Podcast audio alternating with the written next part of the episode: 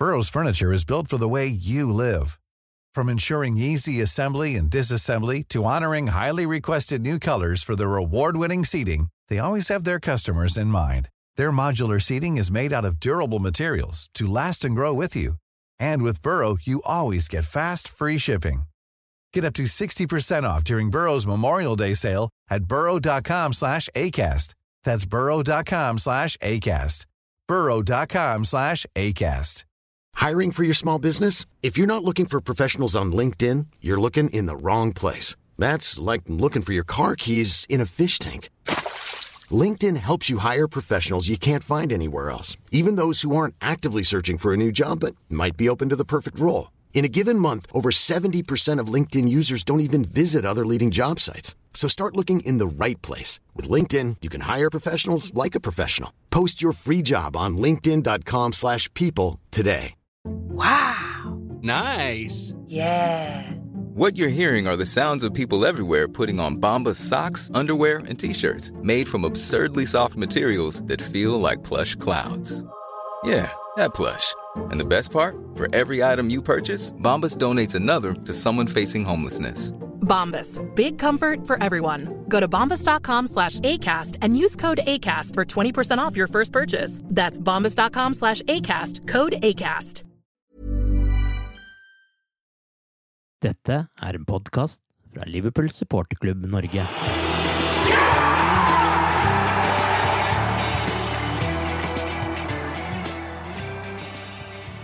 Fredag kom avgjørelsen om at Premier League blir utsatt til starten av april pga. situasjonen med koronaviruset. I denne spesialepisoden av The Cop-Out-podkasten har Mari Lunde, som jobber for supporterklubben i Liverpool, intervjuet Neil Atkinson i The Anfield Rap og vår egen Tore Hansen om betydningen av denne avgjørelsen, og hva de tror vil skje videre. Her er hennes intervjuer. Neil, the Premier League has been postponed until early April at least. What are your thoughts on this? I think early April's optimistic, but I understand why they've done that. The international break feels as though we may all know more of where we are by the time you get to that point. But ultimately, I think it's I think it's going to take longer than that. I think the, the, the incubation process around this, insofar as I understand the science, I think you're not going to want to get players back playing, back training with one another until you can be sure that they're not going to affect one another. So that period of time could therefore extend. I think. I don't think for us. I'd be really surprised if there's anything around cancelling or voiding the league season.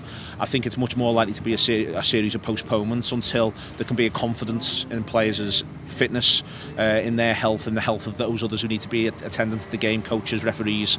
And then it wouldn't surprise me if this season finishes back end of May, early June, playing its games behind closed doors. But really, we don't know at this stage. Mm. There was a game that went ahead as normal just a couple of days ago. Do you think that was irresponsible? I think, given the context now of the the wellness of the people from Madrid. And you've got to be careful about this because what I don't want to do is act as though there's something deeply ill or negative about Spaniards or people from Madrid. That's nonsense. It's more with the situation having allowed 3,000 people from Madrid to come over when they were in a lockdown situation in their own city does now feel a little bit strange and a little bit inexplicable um, given everything that's sort of an ongoing part of this about spread. But in general, I think you can ask a lot of questions about uh, the response of the British government. All of that said, you know, I don't think any government has, has, has, absolutely nailed this. I think everyone's just trying to do the best through a situation which perhaps shouldn't have been entirely unexpected, but which is obviously, you know, we haven't had an occurrence like it for God knows how long. So, you know, without sort of wanting to rant and rave about anything, I do think that there's maybe people have been caught a tiny little bit on the hop in this country, but then, you know, the flip side of that is that it seems as though everyone, one way or another, has been caught on at least a little bit of a hop. Mm. What would, how do you explain how would you describe Liverpool at the moment, the city? Because walking around here today, it seemed fairly normal. I think it is pretty normal. I think that people are trying to, to as insofar as they can go about their business. We've closed our office. We have a lot of people who come through the Anfield Wrap's office. You know, we have 60 contributors who can come through in a week, um, and then we have people who come over for games to come and say hello and pop in. Uh, and you know, we've got our staff in there as well of 14. So it just sort of felt if people can do stuff from home or remotely uh, or on location, for instance here, then giving them the opportunity to do that's no bad thing. Um, I think that that's the I think that's the reasonable response is to, is to try to find that flexibility where if companies are able to do it, not all companies will be able to do it, and then let people make th- their own decisions and trust and hope they're informed uh, and informed correctly around those decisions. That's what you want, um, and that's hopefully part of what's going to get us back playing football soon. Mm. So back to the football, you don't to summarise, you don't really expect Liverpool to be playing at the Etihad on the on the fifth of April. No, I don't. I don't think Liverpool will be playing at the Etihad on the 5th of April. I Could be wrong. Uh, you know, I'm not a public health expert. I just think it's going to take a period of time. But I don't also expect the whole thing to be voided. I think there's too much that's up in the air.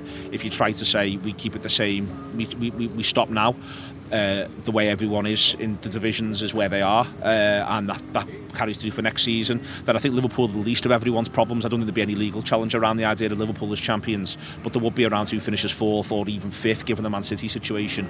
There would be around who's 17th, 18th, given the, the how tight it is down there. I can't see how that's possible uh, to make that decision uh, and void it. And then if you want to say, well, we'll pretend the whole thing never happened, you throw yourself open to all sorts of situations with the clubs in the EFL in the EFL league. Uh, but also, you know, there's there's there's things on the line again there. If you're Leicester, you're saying, well, hang on, we've just worked ever so hard to come third. If you're West Brom, this is the last season that you get parachute payments in the in the EFL, uh, which you know is that going to continue into next year? And then there's also all the money that's paid for on television rights and all of that sort of stuff. I think it's I think you can compromise the cup competitions because there aren't unbelievable knock-on effects into participation for following seasons. The only way I see genuinely think that the season will be cancelled or voided as if we're effectively talking about a collapse of civilization territory. I think apart from that, you sort of have to get the league season completed because without the way league seasons work is they all act as the basis for the season that follows and I think that you can do that but listen I could be wrong I could be talking absolute nonsense finally how do you think if it was voided how do you think Liverpool fans would react I think people would be absolutely destroyed uh, to be honest with you I think I, it's I think that you know it would feel like it would be the most crushing blow. It'd be the only thing that I can think of that would make people stop, like just stop. I think that there'd be, I'm not saying that would necessarily be me, but I think there'd be a lot of Liverpool supporters who would just sort of think, well, what's the point? Uh, what is the point of this now? Uh, because you know, you to have gone through everything that we've gone through across the last couple of seasons, and then the other near misses. I just think it it it, it, it's really sort of just demoralised people to such an extent. And yes, they'd have other things to think about as well, because if we are getting to the point that it was vo- voided, we would be talking about something that will have taken an, an awful lot of lives. I mean, I mean millions of lives by that sort of territory. So there would be that to bear in mind and consider. You know, things do stop and priorities do change for people. But I do think it would be it'd be difficult for people to come the other side of. På en måte så syns jeg det var godt å få den beskjeden i dag. Da vet vi hvilke kort som ligger på bordet, og vi har noe konkret å forholde oss til. De siste dagene så er det jo vært mye, mye uvisshet og mye spekulasjoner, mye fram og tilbake. Mange meninger, naturligvis. Men det som har skjedd i dag, er jo at fotballforbundene sjøl har tatt grep holdt på å si nesten stikke imot det den britiske regjering kom med i går.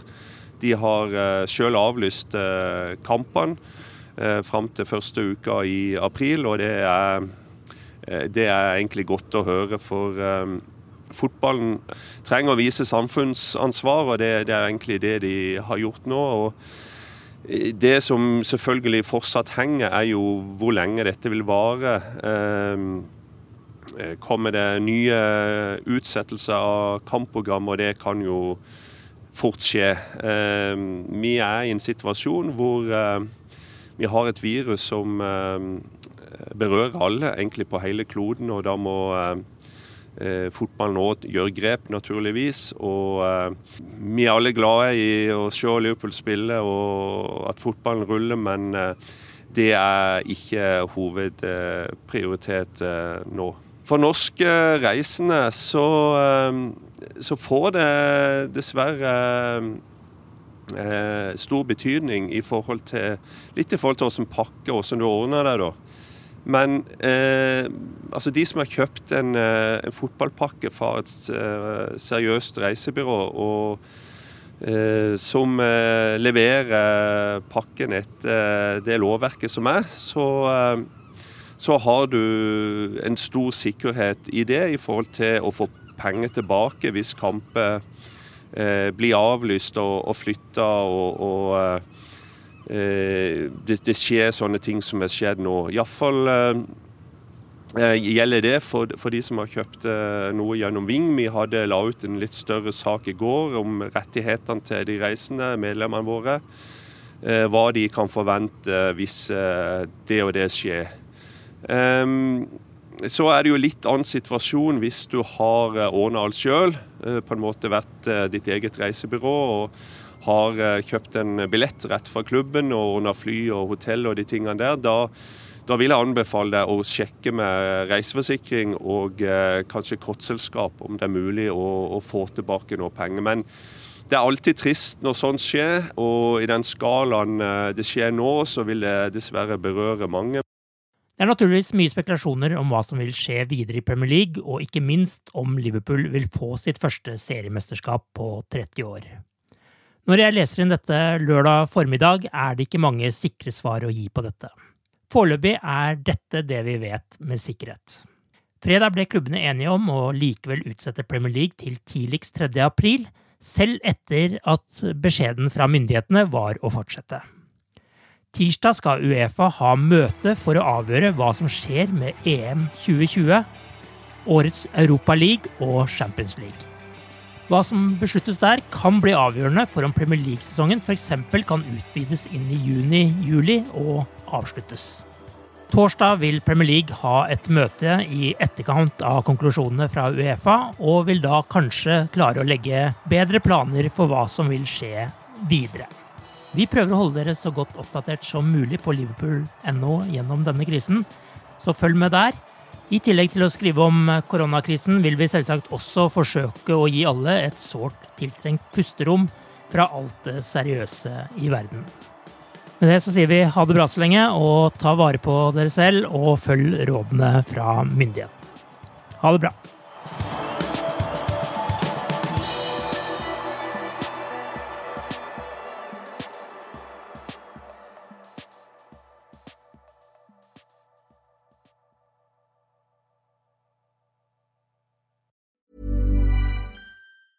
A lot can happen in the next three years. Like a chatbot may be your new best friend. But what won't change? Needing health insurance. United Healthcare Tri Term Medical Plans are available for these changing times. Underwritten by Golden Rule Insurance Company, they offer budget friendly, flexible coverage for people who are in between jobs or missed open enrollment. The plans last nearly three years in some states, with access to a nationwide network of doctors and hospitals. So, for whatever tomorrow brings, United Healthcare Tri Term Medical Plans may be for you. Learn more at uh1.com. Hey, it's Danny Pellegrino from Everything Iconic. Ready to upgrade your style game without blowing your budget? Check out Quince. They've got all the good stuff shirts and polos, activewear, and fine leather goods, all at 50 to 80% less than other high end brands. And the best part? They're all about safe, ethical, and responsible manufacturing. Get that luxury vibe without the luxury price tag. Hit up quince.com slash upgrade for free shipping and 365 day returns on your next order. That's quince.com slash upgrade. Hi, I'm Daniel, founder of Pretty Litter. Cats and cat owners deserve better than any old fashioned litter. That's why I teamed up with scientists and veterinarians to create Pretty Litter. Its innovative crystal formula has superior odor control and weighs up to 80% less than clay litter. Pretty Litter even monitors health by changing colors to help detect early signs of potential illness. It's the world's smartest kitty litter. Go to prettylitter.com and use code ACAST for 20% off your first order and a free cat toy. Terms and conditions apply. See site for details.